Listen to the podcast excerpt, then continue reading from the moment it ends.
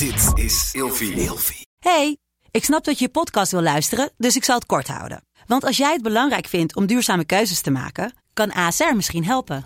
Nou hoor ik je denken, hoe dan?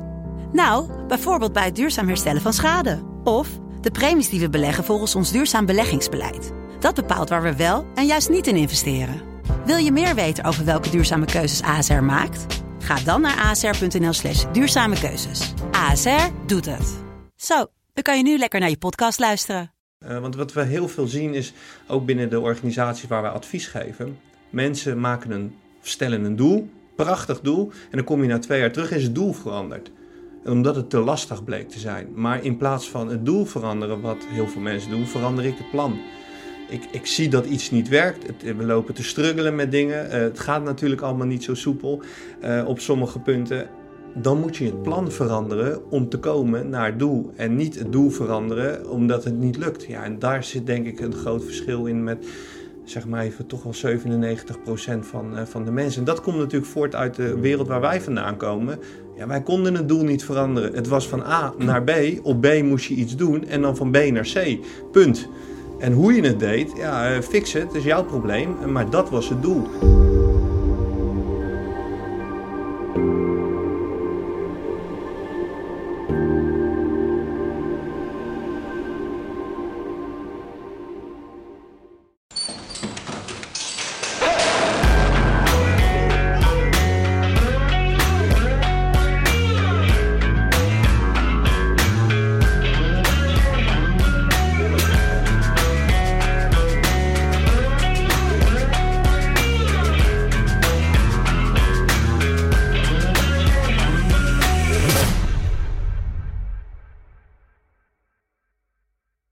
Zo, zijn, zijn we er weer.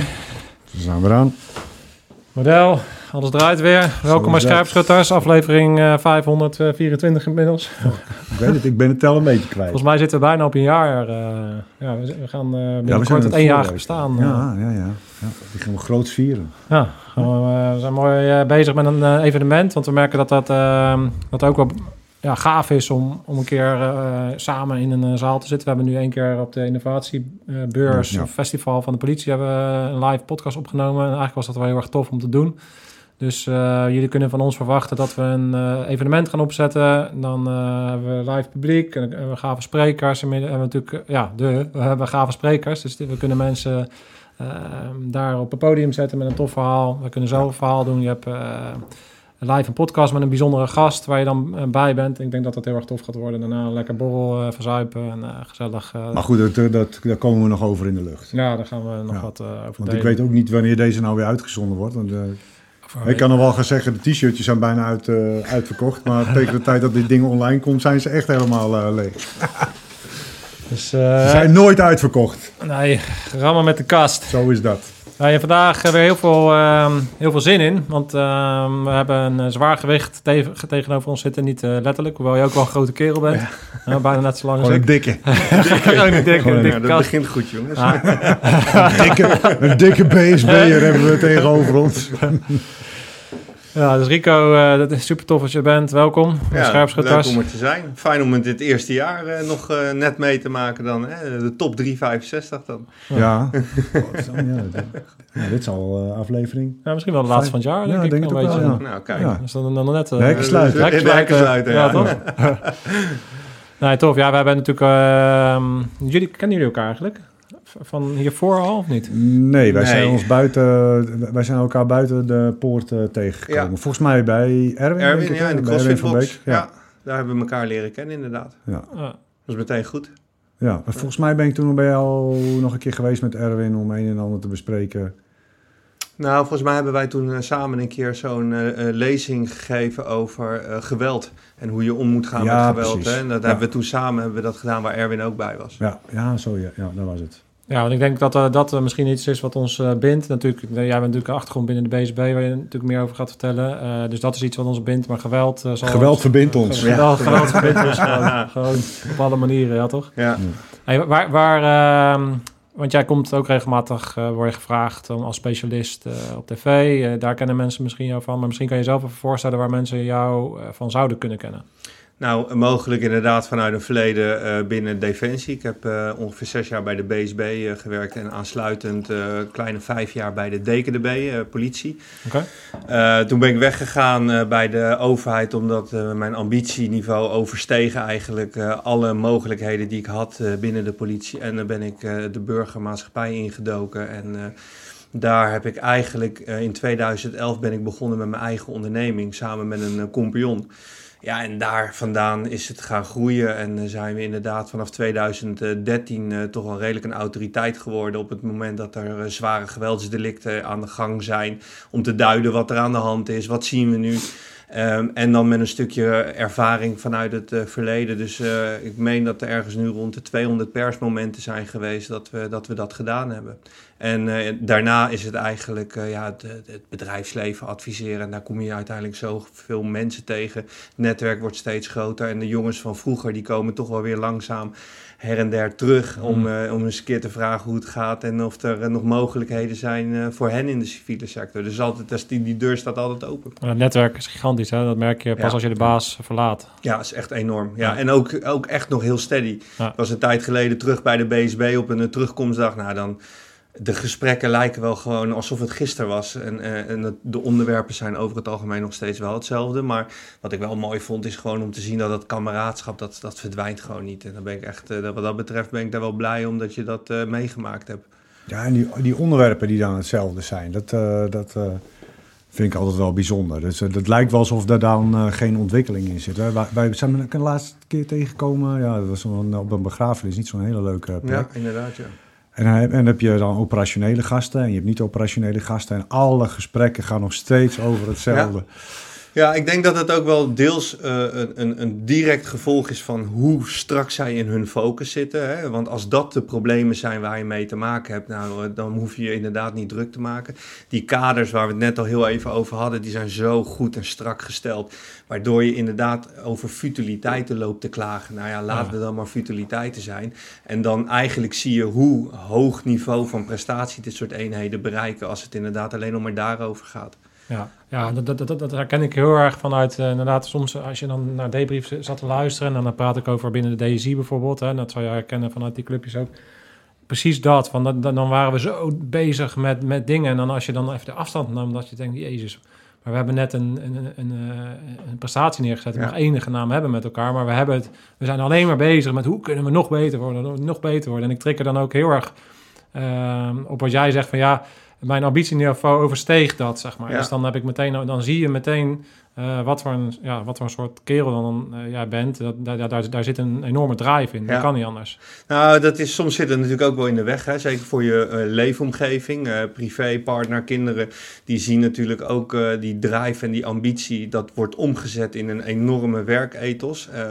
Ja, dat betekent dat je, je kan niet op 40 dingen focussen. Dus je gaat je focus leggen op de dingen die je op dat moment belangrijk vindt. En dan heb ik af en toe ook wel eens nodig dat mijn vrouw of mijn kinderen zeggen: hey, wat, zullen we nog eens een keer wat met elkaar gaan doen? En daar kan ik dan ook wel direct naar luisteren. Ik heb dat gewoon soms nodig. Maar als je in je focus zit, dan eigenlijk wil ik er niet uit. Hè? Is bijna baal ik ervan dat het uh, einde werkdag is en naar huis toe uh, gaan. Uh, fijn thuiskomen, maar je wil eigenlijk je werk afmaken. Ja, en dat is er nooit meer uitgegaan. En dat is er wel ingeslopen binnen de eenheden waar dat nog verder ontwikkeld is. Maar uiteindelijk, ik ben nu bezig met een boek, dan ga je nadenken over je leven en dan kom je er eigenlijk achter dat je al vanaf je vijfde structureel bezig bent om in het beste voetbalelftal te komen, om de selectiestrijd te winnen en elke keer maar beter te worden. Dus het zit er toch in ergens. Maar wat was het dan bij jou? Had jij, moest je ook de kleine schoenen aan van je grote broer of uh, was je vader heel streng? Ja, of, uh, wat? ja dat laatste. Ja, ja? nee, ik, uh, dat is dus inderdaad waar je dan achter komt echt een, een, een, vader die uh, zelf misschien niet de hoogste prestaties leverde, maar het wel altijd beter wist. En zoveel druk op, op verbeteren legde, dat hij, dat hij dat bijvoorbeeld van, van als ik was keeper dan, hè, als ik uh, tien goede reddingen had verricht, uh, het was die ene fout waar hij eigenlijk een week lang over door bleef gaan.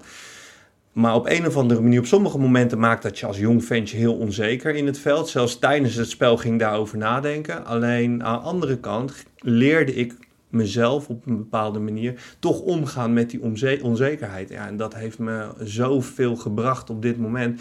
Dat je kan zeggen van ja, een harde vader is misschien niet de meest liefdevolle eh, eh, relatie ook uit ontstaan. Hè? Ik bedoel, want dat heeft een keerzijde deze, deze prijs. Eh, de andere kant is, als ik zie wat ik met die instelling nu kan bereiken, ja, dan ben ik hem wel heel dankbaar. Ja, maar, eh, wat voor vader ben jij? Anders, Eh, wel eh, liefdevol. Dus eh, ik zeg wel heel vaak dat ik van mijn kinderen hou en dat ze het goed doen en dat ik trots op ze ben. De andere kant is dat ik ook heel prestatiegericht ben. En als je iets doet, dan moet je het ook gewoon goed doen en niet half werk eh, afleveren. En daar hamer ik zelf ook op, want ik weet hoe belangrijk dat, eh, dat later is. Alleen, ik probeer wel mee te geven dat er een bepaalde zelfverzekerdheid daarbij mag ontstaan.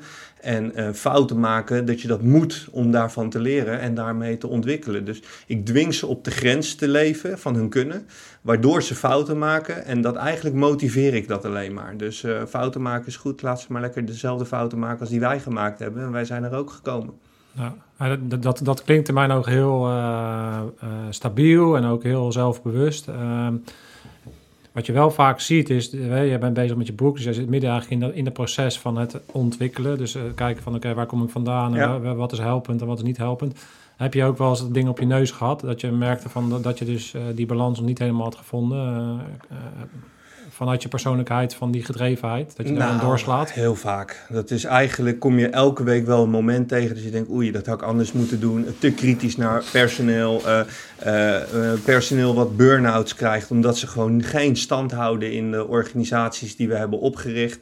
Eh, ja, dan kunnen we nu ernaar kijken en denken van nou, de mensen die wel overeind blijven, dat is goed. Aan de andere kant hebben we toch op een of andere manier binnen ons leiderschap gemist dat iemand zo eh, aan het inboeten was op zijn kunnen.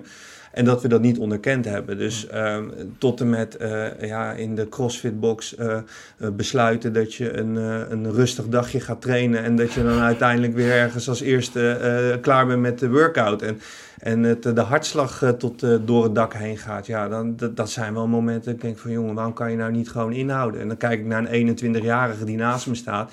Ja, die is 20 jaar jonger. Die zou in de basis ook een stuk beter moeten presteren. Maar iets in mij zegt dan dat ik bij moet blijven. Dus het is een gedrevenheid. Alles is een competitie, joh.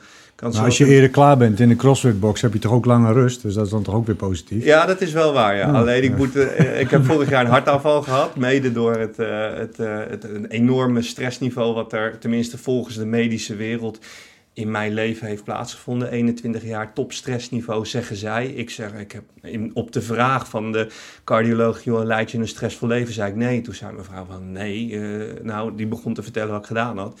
Ja, toen zei hij van luister, alle boxjes die worden aangevinkt. eh, dit is niet zo heel gek dat jou dit overkomt nu. Alleen 41 jaar en bijna doodgaan, maar een hartaanval, dat, was toch wel, eh, dat stond niet in de agenda, zeg maar. Dus dan word je ook heel erg geconfronteerd met alles wat daar speelt.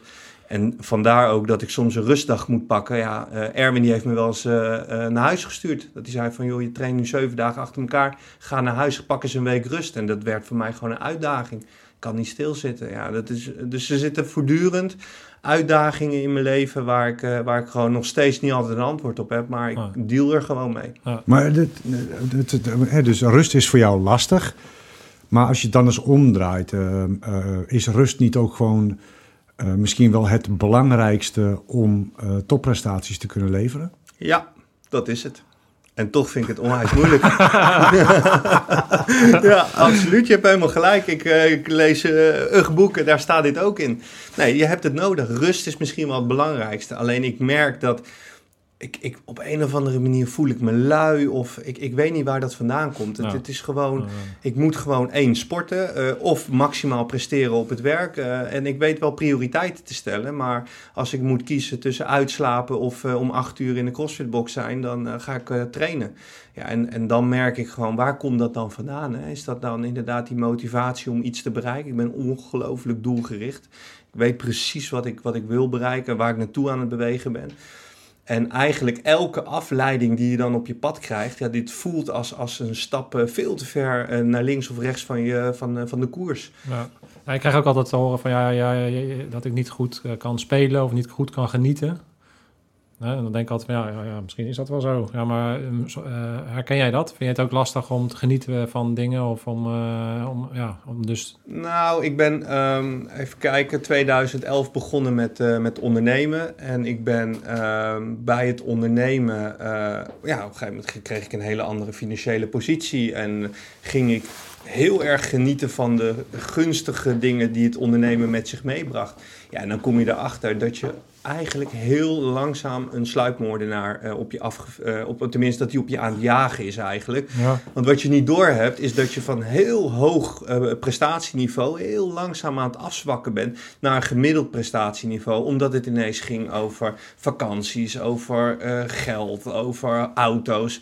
Eigenlijk allemaal randzaken die er ineens steeds belangrijker werden. Terwijl als je je prestatieniveau hoog weet te houden, ja, dan zul je die randzaken vanzelf erbij gaan krijgen. Dus ik had de focus verlegd.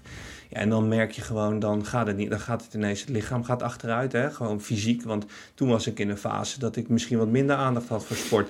Eh, ik ging verkeerd eten, ik ging nog slechter slapen. Ik had helemaal geen aandacht voor de interne mensen. Ik was alleen maar extern bezig. Ja, en dan ben je jezelf in een klein jaartje ben je jezelf aan het verliezen. Ja. En dan kom je erachter dat het eigenlijk nergens over gaat. En dan heb je weer heel veel discipline nodig om terug te stappen in die afgekaderde Ja, wereld. ja maar dat, dat, dat- ik vind dat, ik vind dat Ja. interessant, omdat ik heb daar dus ook, ik zit daar ook wel eens mee van, oké, ja, maar moet ik dan meer vak- meer vakanties? En ik hoor dat natuurlijk ook wel vaak van, ja, maar eh, kunnen we niet een keer vakantie of kunnen we een keer dit? En dan, van, ja, ja, we- we- we- weet ik niet. Ik, eh, ik, eh, ja, ik geniet van dingen maken Ja, ja. en dingen doen waar ik een goed gevoel van krijg. En dat zit hem vaak, als ik dan andere ma Ik kan er wel eens jaloers op zijn als dan zo'n maat van mij en die... Ja, die zal dan lekker eten en dingen en dan met vrienden eh, dingen doen en zo, weet je wel. En dan denk ik wel eens van ja... ja Nou, ik heb die zit, zit dat ook. gewoon niet in ons? Ik heb die momenten nu zeker. Maar goed, daar heb ik een hartafval voor nodig gehad. Hè. Ik, ik eh, echt uit. En eh, eh, het, het, het, is medisch ben ik nu echt een soort van mirakel. Van hoe kun jij. Er staat drie jaar hersteltijd voor deze situatie bij mij.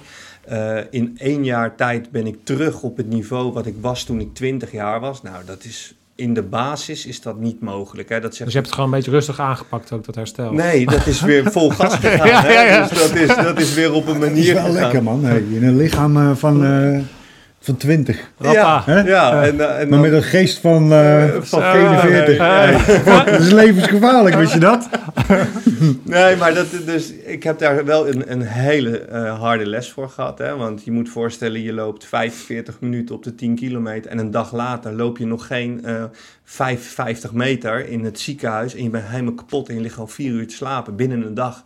Ja, en die extreme, dat, is, dat, is, dat, is, dat, dat doet wel voor wat met je. Hè? Hmm. Maar om eh, aan te geven, ik denk dat eh, ik vanaf dat moment bewuster ben gaan leven. En, en hoe heb jij dan, want je geeft eigenlijk aan van oké, op een gegeven moment heb ik het een beetje laten verslonsen. Hè, omdat ik dan meer, zogenaamd meer wilde genieten en meer op vakanties ging. Maar dat werkte eigenlijk niet. Ehm, en toen heb je dat weer aangepakt en heb je gewoon weer eigenlijk de discipline teruggebracht.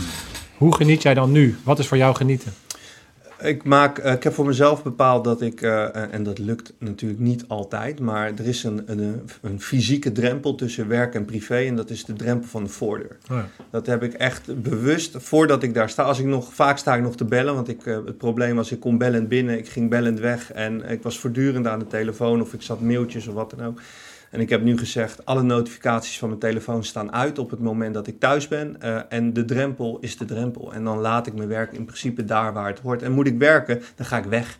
En dan blijf ik niet thuis. Thuis werk ik in principe niet meer. Heel mechanische eh, Ja. instelling. Maar ik, ik heb iets nodig om die kaders eh, van, van, dit, van dit te bepalen. Maar ik moet ook eerlijk zeggen, ik ben tot vorig jaar niet langer dan tien dagen op vakantie gegaan. Want ook ik wilde gewoon bij de zaak zijn. Ik wilde werken. Ik wilde zien of het goed ging. Misschien ook wel een bepaalde mate van eh, controle willen houden.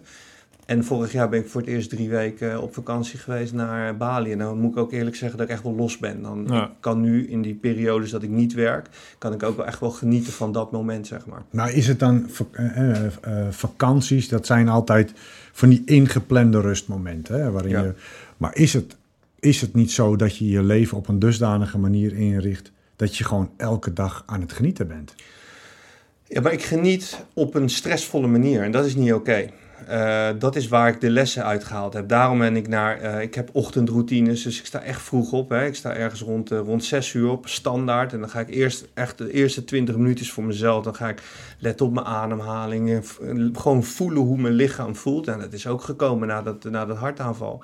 En daarna ga ik een half uur lezen. Ja, en daarna begint de waan van de dag weer. En dan komen de kinderen door het huis heen rennen. Vrouw, koffie, uh, ontbijten. Uh, en gaat iedereen weer zijn weg. Ja, dan zie je gewoon dat je op dat moment alweer geleefd wordt. Dus dat eerste uurtje van de dag, dat is voor mij. En dat is wel structureel. Maar dat doe ik ook in het weekend.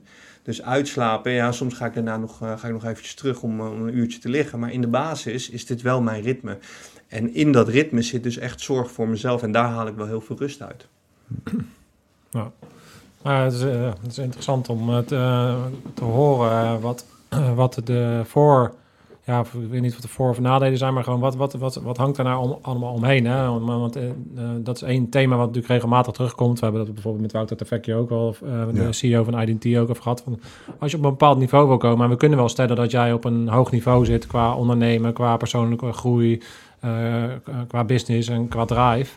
Dus als je op dat niveau wil acteren, wat komt er nou allemaal bij kijken? Dus uh, we kunnen wederom bevestigen, ook vanuit jouw verhaal, van oké, okay, ja, de, het komt vaak voort uit je jeugd. Ja. Dus als mensen ergens tegenaan lopen en eigenlijk meer over zichzelf willen gaan ontdekken, dat is, dat is denk ik de eerste stap. Zeker. Is oké, okay, ga, ga eens terug, waar komt, komen de dingen vandaan? Dat betekent niet dat je dan vervolgens dusdanig hoeft te veranderen, maar het is goed om te snappen waar het vandaan komt. Ja. En dan heb je nog eens een keer, oké, okay, ja, dan weet je een beetje hoe je in elkaar zit, maar hoe richt je dan de dingen in? Um, ja, is continu een soort van balans. En, en soms krijg je inderdaad een, een, een klap op je neus, ja. een hartaanval of, of uh, wat, wat, wat, iets anders.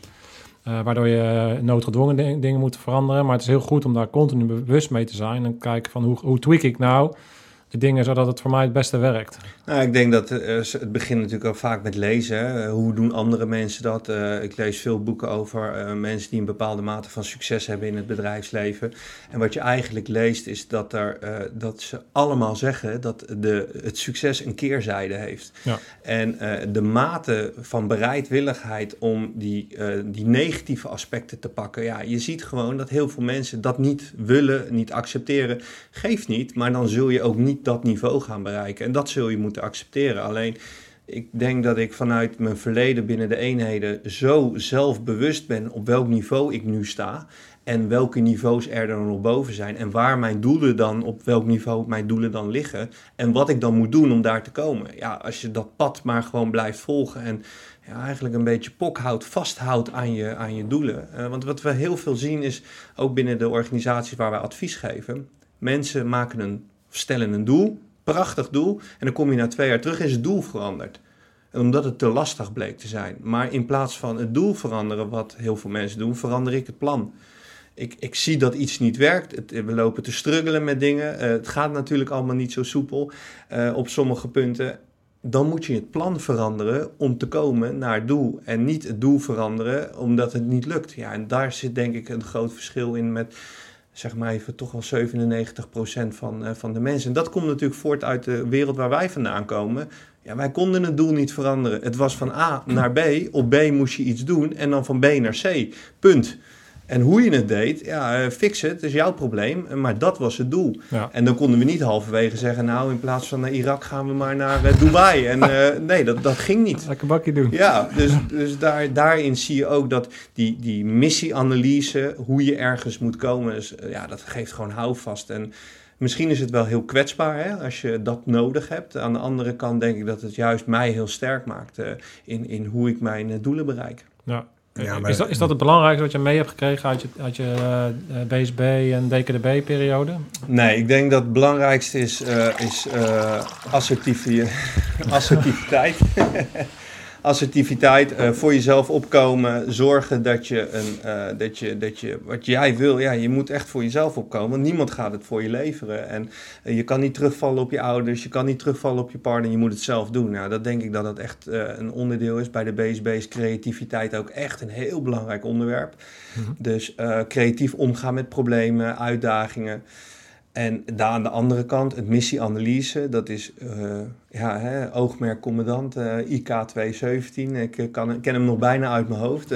ja, hoe kom je nou tot een, tot een geslaagde opdracht? Welke vragen ga je stellen? En hoe situational aware ben je van je pad wat je gaat volgen? Als je dat kan inschatten, ja, dan kun je 80% van de problemen kun je al wegvisualiseren door of te bedenken van wat moet ik doen om het mis te laten gaan, of je gaat bedenken wat moet ik doen om het te laten slagen. En die twee, daar maak je een combinatie van en daar komt een plan uit. Ja, ja wat ik interessant vind aan je pad wat je daarna hebt bewandeld, uh, wat je net zegt ook ja, vanuit je risicomanagement verhaal is natuurlijk heel erg van wat gebeurt er, uh, wat kan er fout gaan. Ja. En ik denk dat je de business waar je nu met high performance zit, natuurlijk veel meer van hoe gaan we de dingen goed laten, beter laten gaan. Klopt nou ja, kijk, de, de, de realiteit is dat mensen van zichzelf al denken dat ze vaak al heel goed samenwerken. Dan zeg ik, nou, uh, kun je me voorstellen aan het team? Hè? Dan komen we ergens bij een bedrijf, zeg ik, uh, waar zit het team? En dan kom je in een afdeling om te zeggen ze, dit is het team. En dan zeg ik, zo, dat is een groot team, 35 man.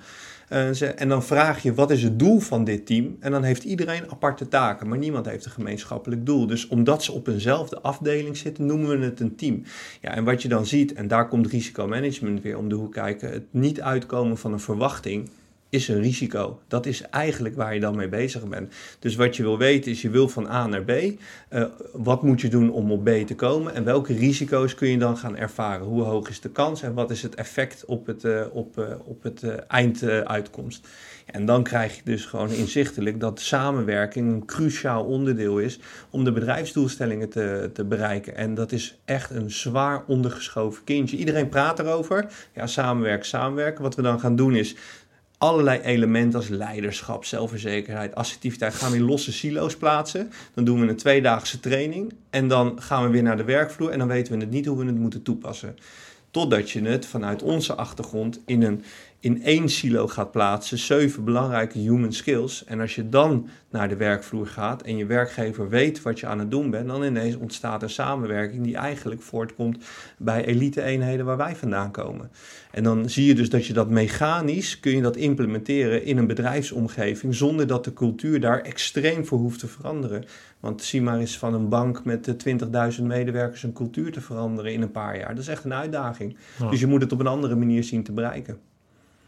Ja, is, ik heb, wat je veel ziet en daarin is, is dat ook heel veel uh, binnen, binnen teams in taken uh, gedacht wordt. Dus dat uh, de verschillende teamleden die hebben afgebakende taken en binnen die taken zijn ze werkzaam. Ja. En daarbuiten denken ze eigenlijk niet mee. Dus dan, dan kan er überhaupt niet sprake zijn van intensieve samenwerking. Nou, taak wordt vaak verward met doel. En op het moment... Ja, uh, niet, alleen, niet alleen dat, maar uh, we, we, hadden laatst een bedrijfstraining waar het ook heel erg naar buiten kwam. Ja, maar wat zijn jullie taken dan? Ik zei, taken? We hebben geen taken. We hebben een bepaalde rol. En in die rol moeten we be, bepaalde taken uitvoeren. Ja. Maar iedereen weet wat de rol van een ander is. En, en, en die kun je ook voor een deel of misschien wel helemaal overnemen dus als, als, als er iets wegvalt, dan, dan gaat dat, wordt dat vloeiend overgenomen. Of als iemand plotseling uh, uh, een, een, andere richting uit moet, dan kan zijn, zijn bestaande rol door een ander ingevuld worden. Nou, ik denk dat het grote verschil, helemaal eens met wat je nu zegt, het grote verschil met bijvoorbeeld die defensie-eenheden is dat iedereen in zo'n team wil de ander laten excelleren. Dus die wil de andere laten groeien in prestatieniveau als je kijkt in het bedrijfsleven, daar zie je eigenlijk dat falen van een ander jouw succes kan brengen. Dat is een hele rare uh, wisselwerking tussen mensen eigenlijk. En wat krijg je dan? Ego. Hè? Dus de, degene die de, de, de topper van de salesafdeling. Wat je eigenlijk moet doen, is die topper nog meer in zijn kracht zetten. En de tweede, derde en vierde, die moeten er alles aan doen om eerste te worden op een, uh, met een gezonde concurren uh, concurrentiestrijd. Ja, en dat zie je gewoon in het bedrijfsleven vaak, dat dat helemaal misgaat. Ego's is een groot probleem. Wat ik daarin altijd wel lastig vind, en we hebben het ook al eerder benoemd, uh, als het over corporate gaat, is dat wij natuurlijk wel uit een wereld komen. En daar kan je best wel mis in gaan. Want ik kan me nog heel erg herinneren dat Arie van Inge bijvoorbeeld van Special Forces and Business dan zei van, um, ja, ik weet niet precies meer wat hij zei, maar dat, dat, dat op een gegeven moment een medewerker naartoe kwam, die zei van, maar Arie, doe even normaal joh. ik, eh, wil, ik kom hier gewoon werken en eh, ik ga om vijf uur naar huis en eh, ga ik lekker naar Mameloe thuis en dan, ik, vind, ik, vind, ik vind het goed. Ja. Weet je, dus wat ik bedoel te zeggen is dat wij gewend zijn en ook eisen eigenlijk van de mensen om ons heen dat ze net zo zijn als wij. ja En, en ik denk dat in de corporate dat dat niet altijd het geval is. En dat je daar, eh, dat wij natuurlijk toch een bepaalde baseline hebben vanuit, eh, als je bij een BSB zit, dan weet je gewoon, dat zijn allemaal mensen die zijn Ja. op een bepaalde manier uit hetzelfde hout gesneden. En in de corporate eh, is- is- gaat het alle kanten op natuurlijk. Ja. Dus de, de zo- soort van, eh, ja, die constructies zijn veel ingewikkelder. Ja, maar ik denk, kijk ja, nee, maar, ja, nee, maar ik, ik denk als je naar een bedrijfsstructuur of cultuur kijkt.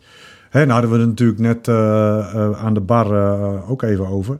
En je krijgt het voor elkaar dat iedereen, hè, degene die om vijf uur naar Mamalou wil en degene die voor zichzelf aan de top wil komen.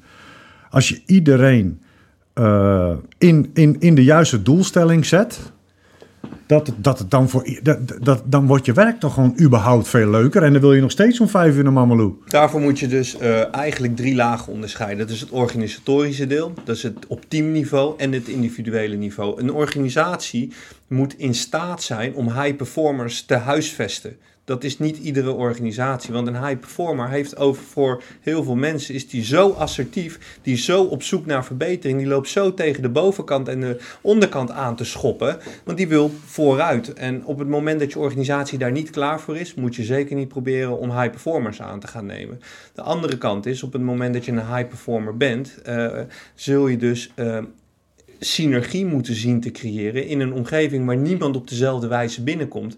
Daarom is een gemeenschappelijk doel, een visie van een bedrijf is eigenlijk cruciaal. Als je niet weet welke koers je aan het varen bent, als je niet weet waar je zelf voor aan het werk bent, ja, dan ga je gewoon geen synergie creëren. En daar, daar is gewoon ontzettend veel in te winnen. Dus die, die niveaus, kijkend naar die niveaus, dan ga je kijken naar hoe ziet zo'n zo'n elite organisatie er dan uit van Defensie. Nou, oh, dat is wel grappig. Dus uh, Mark geeft aan uh, dat de linker voorbanden vaak lek rijden. De eerste reactie van zo'n eenheid is de maandag erop gaat iedereen trainen om te zorgen dat die linkerbanden zo snel mogelijk gewisseld kunnen worden. Die, dat aanpassende vermogen, dat is gigantisch hoog. En dat zie je in corporates helemaal niet. Dat zijn robuuste structuren die gericht zijn op systemen, patronen. En eenmaal in zo'n patroon, probeer dat nog maar eens te veranderen als je wil ontwikkelen. Ja, dat is gewoon heel moeilijk. Dus, heb je, kun je eens een voorbeeld noemen van dat je dus een bedrijf binnenkomt en je ziet dat er dingen aan de hand zijn? Hoe, hoe, hoe pak je dat aan? Beginnen eerst met een context te bepalen. Dus we komen binnen en een context bepaal je echt een dwarsdoorsnede van de organisatie. Je begint vaak in de top, hè, want dit moet gedragen worden vanuit de top. En uh, de, de top van een organisatie heeft vaak een beeld van zichzelf en van de organisatie dat 180 graden anders is dan de mensen die onder in die organisatie staan. Nou, dat ga je als eerste blootleggen. En dat doe je niet door diplomatiek te zijn, dat doe je niet door vriendjes te willen zijn met de directeur omdat hij toevallig een quotejongen is. Nee, dat is echt radicaal eerlijk. Echt met, uh, met, botten, met een bottenbel er soms in. En dan ligt het soms gewoon keihard aan die directeur of keihard aan die manager die gewoon een ego-probleem heeft, die een, een, een organisatie aan het creëren is. Die, hij zit in een ivoren toren en er is nul betrokkenheid. Hij heeft misschien wel een goed idee, maar hij betrekt niemand daarin. Nou, en door daar te beginnen, dan zie je al gauw van... oké, maar laten we dan dat doel scherp stellen. Samen in sessies creëer je dan een heel duidelijk doel of een aantal doelen. En dan gaan we kijken van, maar wat heb je nodig en wie heb je nodig om daar te komen? En ook daar worden geen zoete broodjes gebakken. Dan hoor je ook wel eens dat Jan uh, misschien heel aardig is en al twintig jaar op die positie zit, maar niet geschikt is om dat specifieke doel te bereiken. Dan moet je daar een keuze in maken. En dan kan de organisatie, high performance organisatie, zegt dan van Jan, we gaan jou uh, allokeren en dan ga je op een andere positie zetten. En een niet-high-performance organisatie of een low-performance organisatie die zegt: uh, nee, uh, sociale factoren tellen bij ons zwaarder. Dan zijn ze bereid om die doelen niet te bereiken. Nou, en zo ga je eigenlijk steeds verder. En op een gegeven moment kom je op het individu. En dan gaan we zitten op die human skills, wat ontzettend bij ons is doorontwikkeld. En dan krijg je dat, dat als iedereen zich gaat focussen op hoe, uh, uh, wat is een missieanalyse, uh, hoe communiceren we, want dat is ook een groot probleem in, in de wereld, communiceren. De ene communiceert op inhoud en de andere op gevoel. Nou, dat gaat totaal langs elkaar heen. situational awareness, hoe kun je dat krijgen? Dat is door de juiste vragen te stellen. Aanpassingsvermogen, assertiviteit, leiderschap, besluitvaardigheid is misschien wel de allerbelangrijkste. Snel beslissingen nemen, erachter gaan staan. Ja, dan, dan als iedereen in zo'n patroon terechtkomt, ja, dan zie je dat het de, de, niveau gaat stijgen. Want dat is uiteindelijk, denk ik, binnen de SF-wereld, is dat de competentie die de eenheid uniek maakt. Het is niet de technische skill van schieten. We kunnen uiteindelijk iedereen laten schieten. We kunnen iedereen in een procedure laten meelopen het wil niet zeggen dat die, dat die top is, maar we kunnen wel dat aanleren. Maar een technische skill, of sorry, een non-technical skill als een missieanalyse van A naar B en snel kunnen aanpassen als het niet uh, lukt. Ja, daarin zit het, uh, zit het verschil. En dat is trainbaar. Maar, maar ja, is, lukt dat ook? Want uh, bijvoorbeeld, ik noem maar fight, flight, freeze-achtige dingen. Daar zijn ook maar tot een bepaalde hoogte is dat trainbaar. Hè? Iemand die volledig freeze, kan je die krijgen op een niveau dat hij zou kunnen acteren in AT? Dat is de vraag. Hè? Hoe, hoe, hoe rekbaar dat is, dat is voor een deel rekbaar. En als je dan naar de corporate kijkt en je hebt bepaalde profielen van mensen. En je hebt natuurlijk het profielen waar wij vandaan komen, zijn vaak dominant, heel ja. autonoom, zelf, zelf intrinsiek motivatie. Gewoon heel erg de, die drive. Maar als je dan iemand hebt die veel meer zit in het analytische, die heel erg veel over, over nadenkt en, die, en daarvan ga je vragen van ja, je moet heel snel beslissingen gaan nemen dat, dat druist misschien volledig in, in, uh, in hoe hij in elkaar zit, hij of zij in elkaar zit. Ja, en dan komt dat teamgevoel weer om de hoek kijken, dat team sensation. Je weet van iemands kwaliteit, je weet van zijn, zijn, nou eigenlijk, of zijn minpunten, hè, laten we het maar, of zijn, plus, of zijn kluspunten, om het iets positiever te zeggen. Uh, daar zul je dus omheen moeten werken. Of je moet accepteren dat diegene niet geschikt is om in dat team te werken. Ja en dat zijn soms harde beslissingen. Maar op het moment dat je met giga-ambitieuze doelen eh, te maken hebt. Ik heb een bedrijf die wil graag uh, binnen nu en drie jaar naar een, uh, een, financiële situatie. dat ze 20 miljard aan, aan leningen hebben uitstaan. Dat ga je niet bereiken op het moment dat je dan zegt: ja, maar Jan is wel een aardige vent. Nee, dan wordt Jan wordt opgeleid tot een bepaald niveau. En fix Jan het niet, dan past hij dus niet binnen de gestelde kaders en de normen. Ja, en dan houdt het dus op. En dan zie je, daar zie je vaak het verschil ontstaan. En het probleem is dat je in een team te maken hebt met high performers en met medium of low performers. En als je dan ziet wat er gebeurt in communicatie, die twee gaan elkaar nooit vinden, of die drie. Als je dus een, een balans wil uh, creëren, zul je dus echt iedereen naar een bepaald niveau uh, moeten trekken. Of accepteren dat je het maximale rendement wil halen uit die systemen uit die groepen. dat kan natuurlijk ook. Hè? En dan accepteer je dat je de doelstellingen die je als organisatie stelt misschien niet gaat bereiken. Maar dat is, dat is een keuze die dan op dat moment een directie moet nemen. Ja.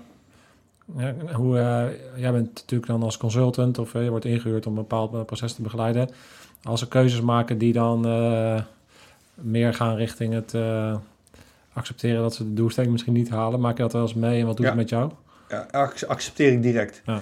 Ja, heb ik 0,0 moeite mee. Als ze vragen niet aan mij, namelijk wat zou jij doen? Ik, of ze geven ik geef hen een advies wat zij moeten doen om bij dat doel te komen. Ja, en dat zijn soms pijnlijke beslissingen, dat klopt. Uh, maar ik ga ze niet uh, vertellen dat ze het verkeerde beslissing hebben genomen. Het is hun keuze, het is hun doel, het is niet mijn doel. Ja. En op het moment dat zij een keuze maken die uh, linksaf is en ik zou rechtsaf gaan, dan, uh, daarom zeggen wij, wij zijn navigators, we navigeren je naar je doel toe. Dus als jij links afslaat, betekent dat je niet de kortste weg gaat nemen, maar uiteindelijk zijn er ook daar vandaan weer wegen te vinden die je weer richting die, uh, dat einddoel gaat brengen. Dus alleen met een andere koers en misschien wel met veel meer kosten, veel meer energie wat het, wat het gaat, gaat kosten, maar je zal er uiteindelijk wel kunnen komen. Ja. Gaaf, ja, wel een mooi, uh, mooi werkveld. Uh, om, ja, heel zeker vanuit jouw uh, achtergrond natuurlijk.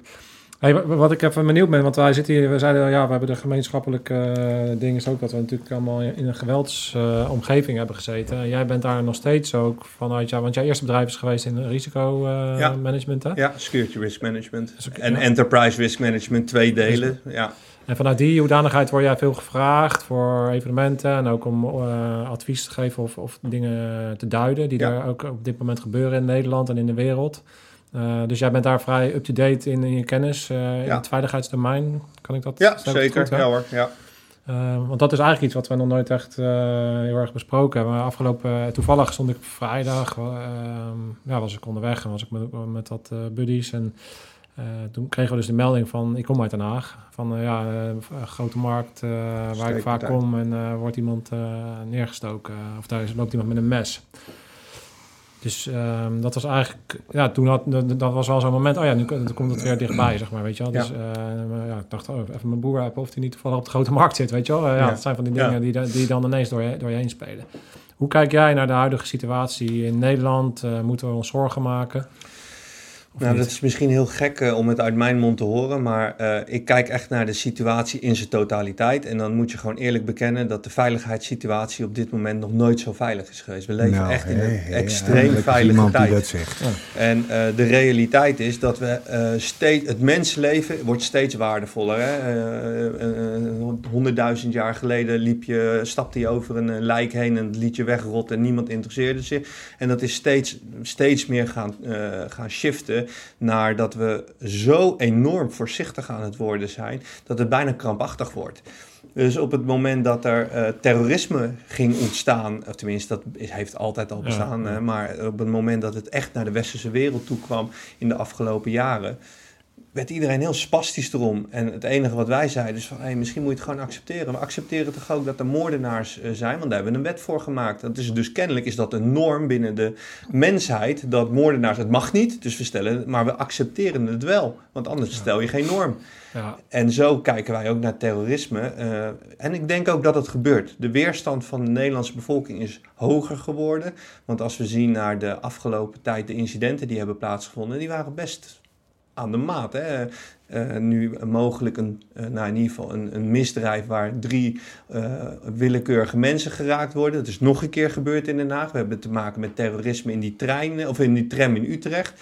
Serieuze omstandigheden waar we eigenlijk weer heel snel overheen zijn gestapt. Weet je wat ik daar ook wel bij heb? Want in het eerste moment zo shit, weet je. Eh, Maar aan de andere kant wat ik ook meteen denk is... Stel, het was, dit was vol- volgens mij geen terrorist, hè? Die, ja, die gast die... eh, Ja, ik weet het niet. Volgens mij was het gewoon een... eh, een, eh, Black. Friday eh, stress. Maar, ja, Black Friday stress, wat ik me heel goed kan voorstellen. Maar wat ik ook wel heb, ook in Londen was bijvoorbeeld wel dan eh, Ja. eh, een terrorist. En dan denk ik, ja, weet je, als dit nou hetgene is wat ze ons brengen, een fucking no-no met een mes. En die, die- hoe erg het ook is voor de mensen die uiteindelijk Ja. geraakt worden. eh, Zo praat je natuurlijk niet als daar je dochtertje Nee. doodgestoken wordt. Laat, dat, dat meteen erbij, zeg maar. Aan de andere kant, weet je, oké, als dit hetgene is wat ze ons kunnen brengen. Hey, fucking, ja, de, ja Ik maak me daar ook niet druk om. En, en dan ook in de wetenschap met wat voor eh, gasten er s'nachts op die muur staan. op het moment dat wij liggen te slapen. Hè. De eh, Ja. jongens van onze eenheden die op dit moment aan het werk zijn. Dat is echt het allerhoogste niveau wat we, wat we hebben in de wereld. En de wetenschap dat een, een, een complexe aanslag plegen. met eh, explosieven, met eh, zware vuurwapens. dat is, wordt gewoon steeds moeilijker. Omdat allerlei informatiestromen of onderkend zijn of eh, gecontroleerd worden. Dus je ziet dat er al een heel vroeg stadium weerstand geboden kan worden. Want terrorisme, wat, eh, in tegenstelling wat iedereen denkt dat de jongens die, eh, in die, met, met, met de blauwe pakken op straat lopen, daar stop je terrorisme niet meer. Daar voorkom je erger. Je stopt terrorisme Ja. in de informatieve fase, dus Ja. eigenlijk in de inlichtingenfase. Ja. Dat zie je in Zoetermeer natuurlijk, die jongens. Exact. Ja, exact. Dus en, hè, laatst in Arnhem eh, exact hetzelfde. Je stopt het daar en daar kun je weerstand bieden tegen, tegen dit soort dingen. Maar ik, ja, in alle eerlijkheid, eh, het is helemaal geen slechte tijd waar we op dit moment in leven. En, als je hem groter trekt dan eh, Nederland, want wat ik ook wel eens, waar ik ook wel eens een beetje gesprekken over heb, weet je, als je, als je kijkt naar de wereldleiders en sommige spanningen die er zijn, dan kan ik er niet aan ontkomen dat ik wel eens denk van, hmm, ja, oké, als, je, als je keek naar voor de Tweede Wereldoorlog, had je Franco en eh, Mussolini en had je Hitler, en waren allemaal wel een beetje rare figuren. En natuurlijk in eh, Azië ook nog wat van die, van die rare uh, Mongolen aan, Ja. aan het roer. En als je dan- Afrika. als je- Ja. Als je, en als je dan nu kijkt naar wat voor types er nu aan, aan de macht staat. eh, Trump, karikatuur. Poetin, karikatuur. eh, die uh, die uh, mafkezen Er- Noord- Ergo- Noord-Korea. Erdogan. Er- Erdogan, karikatuur. Allemaal mafkezen aan, aan de macht. Ja. Daar kan ik dan wel eens denken, hmm, gaat dat goed? Nou, ik denk dat het wel een bepaalde onstabiliteit geeft. Hè? Eh, de realiteit is ook dat ik denk dat we niet meer in een oorlog of in een situatie verzeld gaan raken waar we mondiaal geraakt door worden. Maar wel in een oorlog terecht aan het komen zijn die op internet afspeelt. Daar zit volgens mij de grootste dreiging waar we nu eh, mee te maken gaan krijgen de komende tijd. En natuurlijk zul je wel eens te maken hebben met, met die eh, precisieacties waar misschien wel heel veel slachtoffers kunnen vallen. Maar een full-blown oorlog zoals in de Tweede Wereldoorlog, ik geloof daar niet zo heel erg meer in. En misschien is dat eh, vanuit mijn perspectief, en misschien zijn er mensen die daar heel anders over denken, maar dat is een, een Ja, ik wat je bedoelt. ja. Ik denk dat we veel meer moeten kijken naar digitale afhankelijkheden die we op dit moment hebben. En hoe kwetsbaar zijn we daar? Omdat, Financiële markten zijn ja, maar super denk kwetsbaar. even aan de logistieke wereld, aan de aviation sector, Energie. energie, eh, waterschappen. Er zijn zoveel kwetsbaarheden te vinden. Ja. En de overheid begint zich dit nu wel te realiseren, eindelijk. Maar het bedrijfsleven is. Iedereen denkt dat het bij de buurman gebeurt en niet bij zichzelf. Het is echt een enorm probleem. Kwetsbaarheden zijn echt enorm. China eh, en Rusland zijn overal geheimen van ons aan het eh, weghalen. En we hebben het niet eens door. Omdat we gewoon onze systemen niet dicht hebben zitten. Omdat er echt te weinig bewustwording is op dit onderwerp. Ja. ja, dat is een beetje het idee wat je vaak ziet. Is van, oké, we, zijn ons, eh, nog, we zitten nog steeds in de mindset van de laatste oorlog. Maar de laatste oorlog Ja. die is al gevochten, die gaat niet nog een keer Nee, gevochten worden. nee. De nieuwe oorlog eh, gaat er anders uitzien. Exact, de, Ja. de eerstvolgende aanslag ten om, ter omvang van 9-11, zeg maar. Dat is in mijn optiek een digitale aanslag. Waarbij je dus echt eh, in één keer aviation misschien raakt. Misschien wel eh, scheepvaart, eh, de havens. Ja, en als we zien... Ja, maar gewoon überhaupt de mensen. Maar als je eh, kijkt naar, naar gewoon de individuele mens, stap in het openbaar vervoer. En alle passagiers die zitten met een, met een geknakte nek naar een computer te kijken. ja, Weet je wel? Dus mensen kijken ook niet meer om zich heen. Mensen hebben ook geen contact meer met elkaar. Dus dat betekent dat als jij die apparaten eh, beheerst, wat je met internet doet, je dus in feite de opiniebewegingen van mensen ook beheerst. ja. Zit daar niet ook een bepaald gevaar? Ja, dit En- en- is enorm. Het is enorm, de afhankelijk, exact wat je zegt, de afhankelijkheid die we hebben. Hey, eh, hoeveel mensen moeten er niet eh, nodig pissen? Die gaan eerst een rondje rennen in het huis om een telefoon te zoeken, omdat ze niet zonder telefoon naar het toilet kunnen.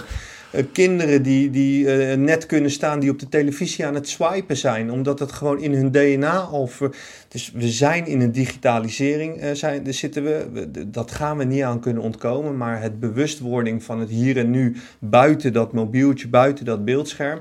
Ja, dat is, dat is minimaal. Dus inderdaad, mensen worden nu getriggerd door een bericht op Facebook door een willekeurig persoon neergezet. Dat wordt gewoon als zoete koek geslikt. Iedereen gelooft het direct en dat wordt massaal gedeeld.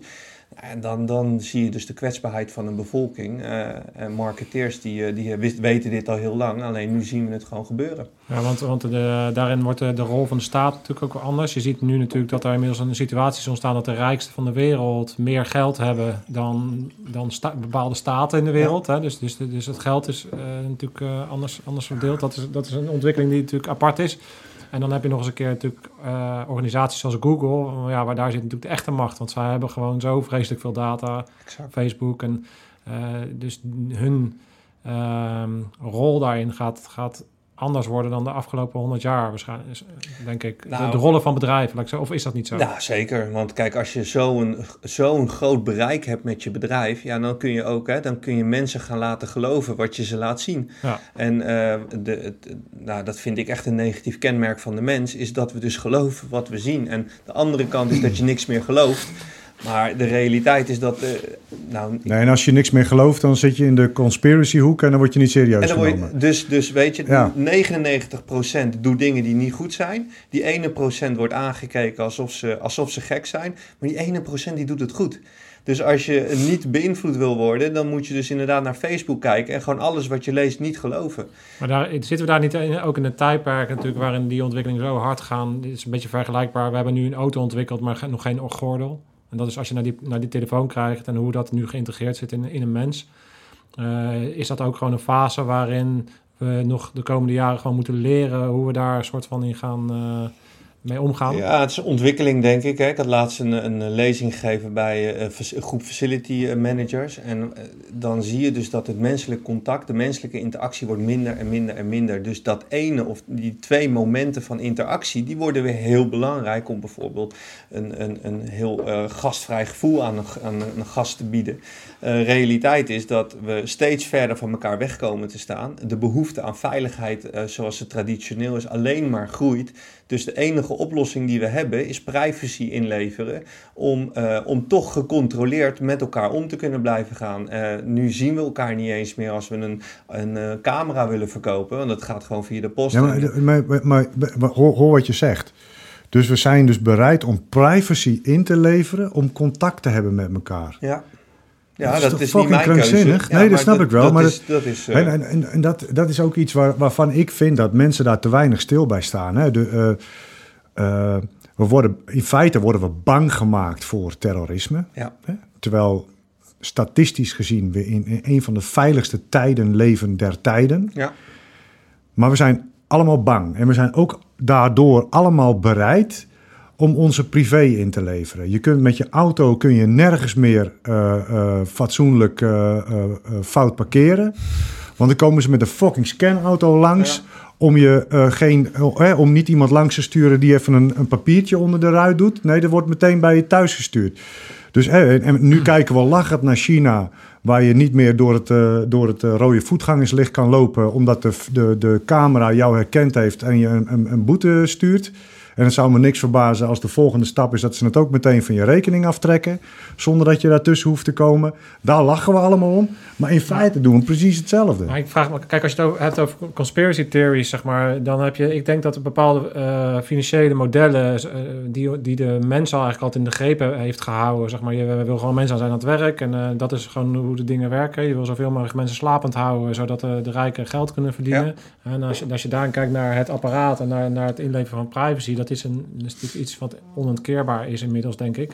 Nou, Maar- dat, dat denk ik niet hoor. Oké, maar, maar, maar stel dat. ehm, ik denk wel dat dat een eh, nieuw controlemechanisme is, omdat de oude financiële ehm, eh, structuren gaan vervallen de Ja. komende jaren. En er dus andere controlemechanismen moeten komen om de massa eh, te, te, te, te, te beheersen en slapend Ja. te houden. Dus die worden slaap gehouden door in de telefoon eh, te, te gaan leven.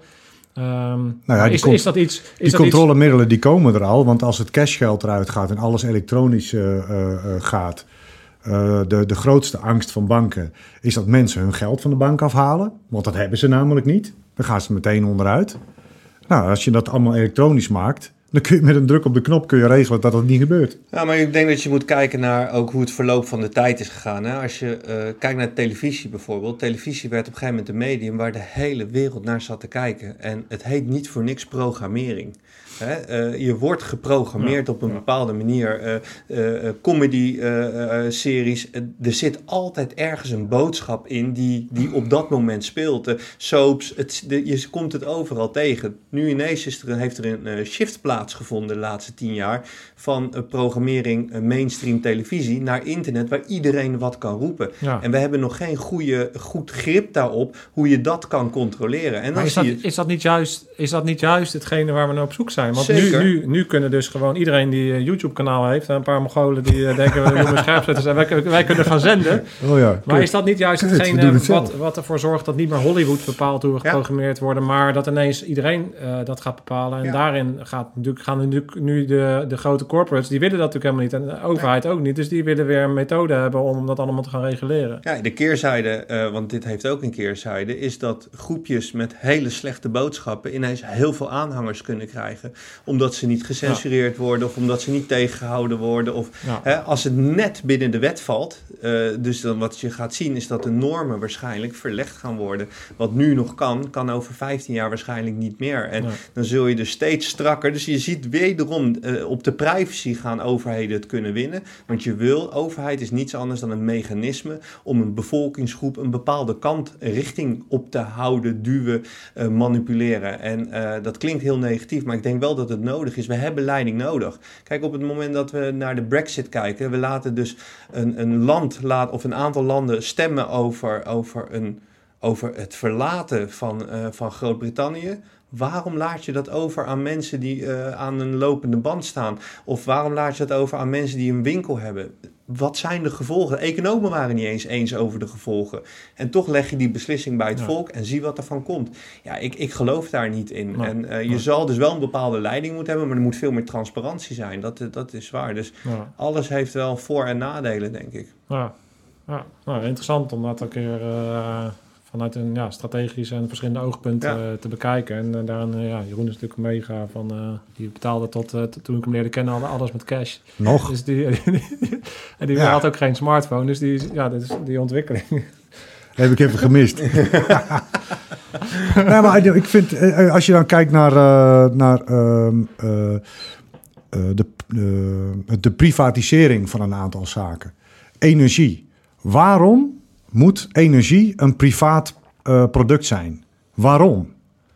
De wind waait voor iedereen. De zon schijnt voor iedereen. Ja. Olie is van iedereen. Weet je wel? Maar dat, daar, daar maken we een privaat product van. Eh, ik, ik vind het krankzinnig. Ja, maar ik denk dat het... De, de, de gezondheidszorg. Waarom moet je van gezondheidszorg een privaat product maken?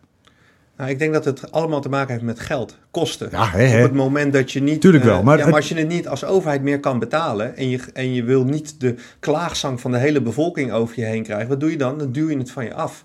Hebben En- we gezien in de psychiatrie. Wat is er gebeurd? De AT's die lopen om eh, in het werk... omdat ze voortdurend achter eh, gekkies aan moeten rennen... die dreigen iets zichzelf of anderen aan te doen. Omdat er geen afdoende zorg is voor deze mensen. Het zijn, daar hoort een AT niet voor bezig te zijn. Die moet met andere dingen bezig zijn. Dus het heeft te maken met de verantwoordelijkheid die je als overheid neemt. Als je het doet, moet je het goed doen. En als je het niet kan doen, ja, schuif het dan maar af naar de private wereld. Dus ze kunnen eigenlijk niet anders, Jeroen. Wat moeten ze dan doen? Dan moeten ze meer belasting gaan heffen. Ja, dan, daar maak je het land ook niet eh, gelukkiger van.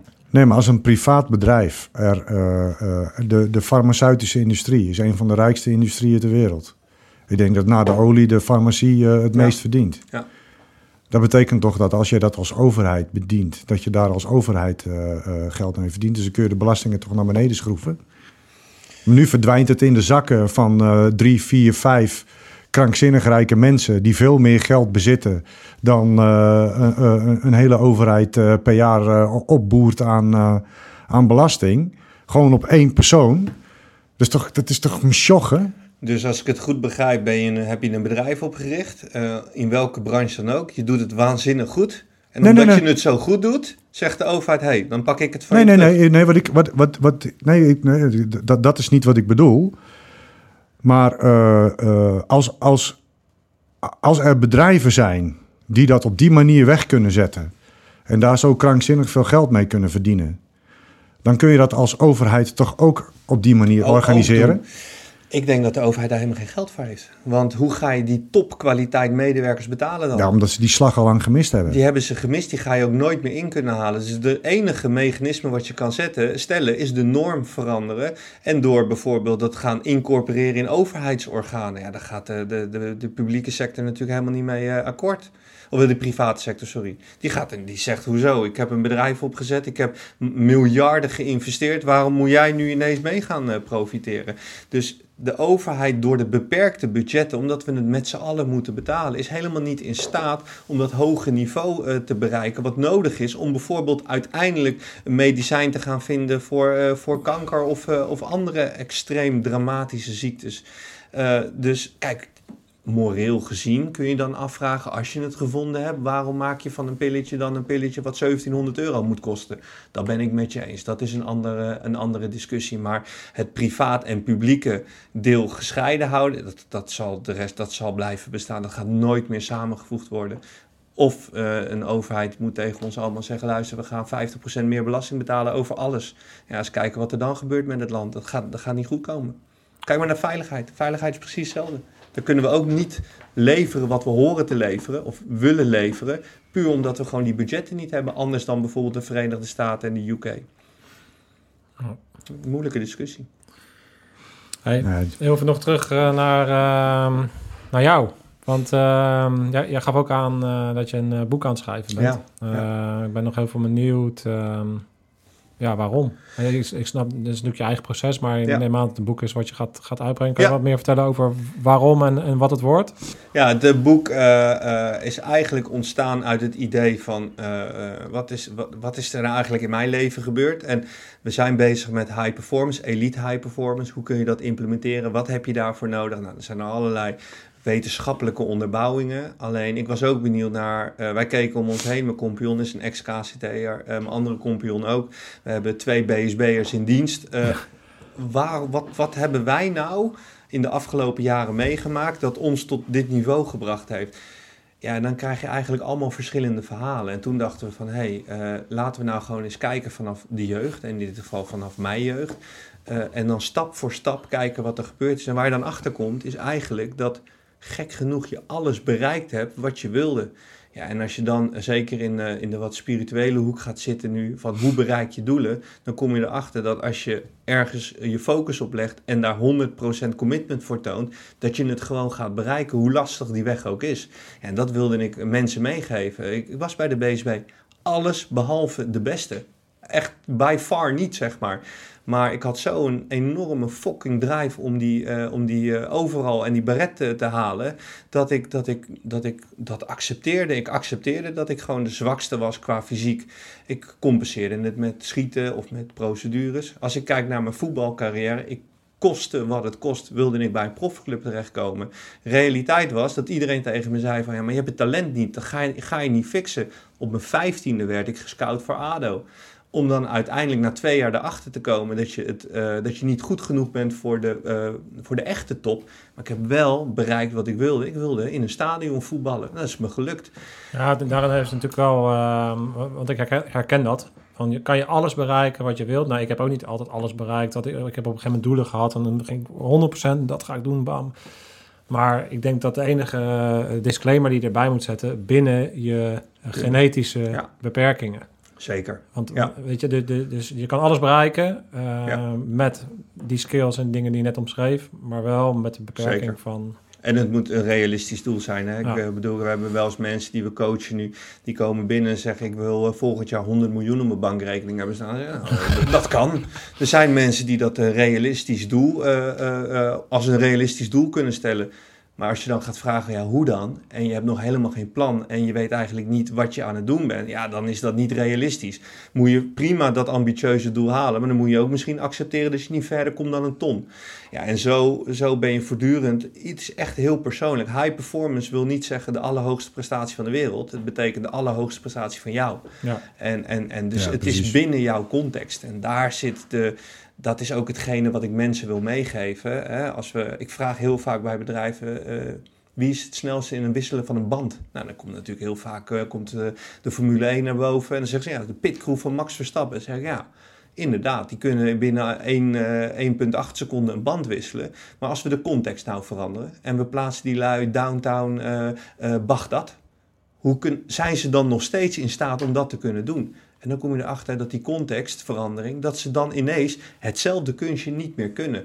Nou, en daarin willen we laten zien uh, met onze programma's, maar ook met het boek, van het maakt niet uit in welke, uh, in welke situatie je begeeft. Als je je aanpast aan die context, kun je altijd de hoogstprestatie uh, wensen en willen. En dan moet je daar je focus op gaan leggen. Daar, daar, dat, ik, dat is de boodschap van het boek. Ik wil echt mensen daarin ik zou eigenlijk wel willen dat we, dat we hè, dus 97% is niet bezig met, met, met uh, zichzelf echt doorontwikkelen. 3% stelt doelen om verder te komen. Ik zou echt blij zijn als, ik, uh, als, als dadelijk gespeech wordt op mijn begrafenis. Dat mensen kunnen zeggen van nou hij heeft van 3% 4% gemaakt. Dat zou ik echt, want als ik het kan, hè, iemand die geen talent had, die eigenlijk kansloos zou zijn voor de maatschappij. Eerder richting criminele hoek zou gaan dan uh, richting een overheid of wat dan ook. En accepteren de stappen die je zet, dat dat pijn doet in je omgeving, maar ook misschien in je, in je comfort. Als ik dat kan, dan kunnen, eigenlijk kan iedereen dat. En, alleen je moet het willen. En dat zou ik echt wel mooi, uh, mooi vinden als we dat met uh, met het boek weten te bereiken. Nou, je hebt je eigen onderzoeksbureau, dus dan kan je toch meteen onderzoeken dan? Ja, dat, we, we doen ook, ja, dat zeker. Dus we houden dat heel scherp in de gaten. Ja, ja. ja, maar het zou mooi zijn als we daar echt een, een, een verschil in kunnen maken. Net ja. even wat meer mensen die een, gewoon een doel stellen. Want zodra dat het doel gesteld is, dan ga je echt heel anders in de wedstrijd zitten. Ja. Ja, dat ga ik. Leuk, maar, want eh, eh, nog even, misschien zouden we kunnen afsluiten. Hè. We hebben veel kijkers die, uh, en luisteraars die een ambitie hebben om naar, naar uh, speciale uh, eenheden te gaan. Um, en uh, ik, heel, veel, heel veel van die gasten en meiden die zijn op zoek van ja, hoe moet ik dat nou doen? Wat, wat zou jouw beste tip zijn? Nou, eerst uh, afhankelijk van waar ze zich bevinden. Hè. Zijn het spijkerbroeken, dus jongens die nog in de, of meiden die in de burgermaatschappij nog echt die stap moeten maken. Ja, begin eerst onderaan die ladder. Ga eerst eens bij de politie werken of bij een marechaussee of bij de mariniers. Het maakt eigenlijk niet uit. En daarna doorgroeien naar zo'n eenheid is weten wat de normen zijn. Uh, zeker de sportieve normen. Uh, dat in ieder geval op orde hebben. En de rest is, uh, is, is te ontwikkelen. En als jij opleidbaar bent, dan hoor je dat heel snel. Als je dat niet bent, dan hoor je dat ook. Dus ik denk dat je het jezelf als doel moet stellen dat je daar komt. Ik weet nog goed, ik, ik, ik, ik schreef die brief voor de BSB. Ja, vanaf dat moment was ik dat al. Ik, ik was dat. Werd afgekeurd de eerste keer overigens, een drama. Maar op dat moment uh, was ik al daar naartoe. Mijn succes was daar begonnen. En in mijn hoofd was, visualiseerde ik alleen nog maar het, de, de acties dat we een deur eruit ramden of in oorlogsgebieden aan het werk waren. Dat was een enige waar ik mee bezig was. En uiteindelijk bereik je dus zelfs met mindere capaciteiten, bereik je dan dat doel. En in het begin hang je dan, schurk je voortdurend tegen die kaders aan en die normen die gesteld worden bij zo'n eenheid. Maar de realiteit is dat gaandeweg het uh, proces je steeds meer ervaring krijgt en je steeds meer in het midden gaat lopen. En dan zit je ineens in je comfortzone. En dan kijk je om je heen en dan zie je jonge gasten om je heen die nog lang niet in hun comfort zitten en moeten vechten om binnen die kaders te blijven. Ja, en dat houdt je scherp. Dus uh, wat moeten ze doen? Ja, ik blijf het zeggen, stel het als doel. Als je het echt wil, ja, dan ga je er alles voor doen. En dan zul je dus ook concessies moeten doen. En misschien is dat wel weggaan uit je huidige omgeving. Ja, dat, dat is dan de keerzijde van de medaille. Mooi. Take that in mind. Dus stel een doel en godverdomme allemaal met je kadaver. ja, dat is, even, ja. Uiteindelijk, komt het, komt het op hetzelfde neer. Het komt op hetzelfde neer. Hoe je het noemt, noem je het rammen met je kadaver. Dat, het, Niet stoppen, niet stoppen. Er zijn zoveel mensen die stoppen veel te vroeg in het bereiken van hun doel. Je weet niet hoe ver je bent. Het kan, de dag daarna kan het omslaan naar het, uh, naar het succes wat je voor ogen hebt. Dus... Uh, Top, Hart, bedankt. Ik, uh, ja, je hebt een scherpe geest en uh, heel erg tof om te zien met welke project je allemaal bezig bent. En ik hoop echt dat je je doelstelling haalt ja. om van die 3% minimaal 10% te halen. Zeker. uh, maar 4% zou mooi zijn. Ja. Ik weet zeker dat je daar iets in gaat bewegen. Dus veel succes met alle ja, ondernemingen en alle inspirerende, inspireren van mensen. En, dankjewel, bedankt dankjewel. voor de uitnodiging mannen. Alles gezegd? Zeker, ja. ja. Mooi gesprek. Goeie zaak, ja. jongen. Vind ja. ik ook. Ja. Dankjewel. Dankjewel. Scherpschutters, uit. Uit.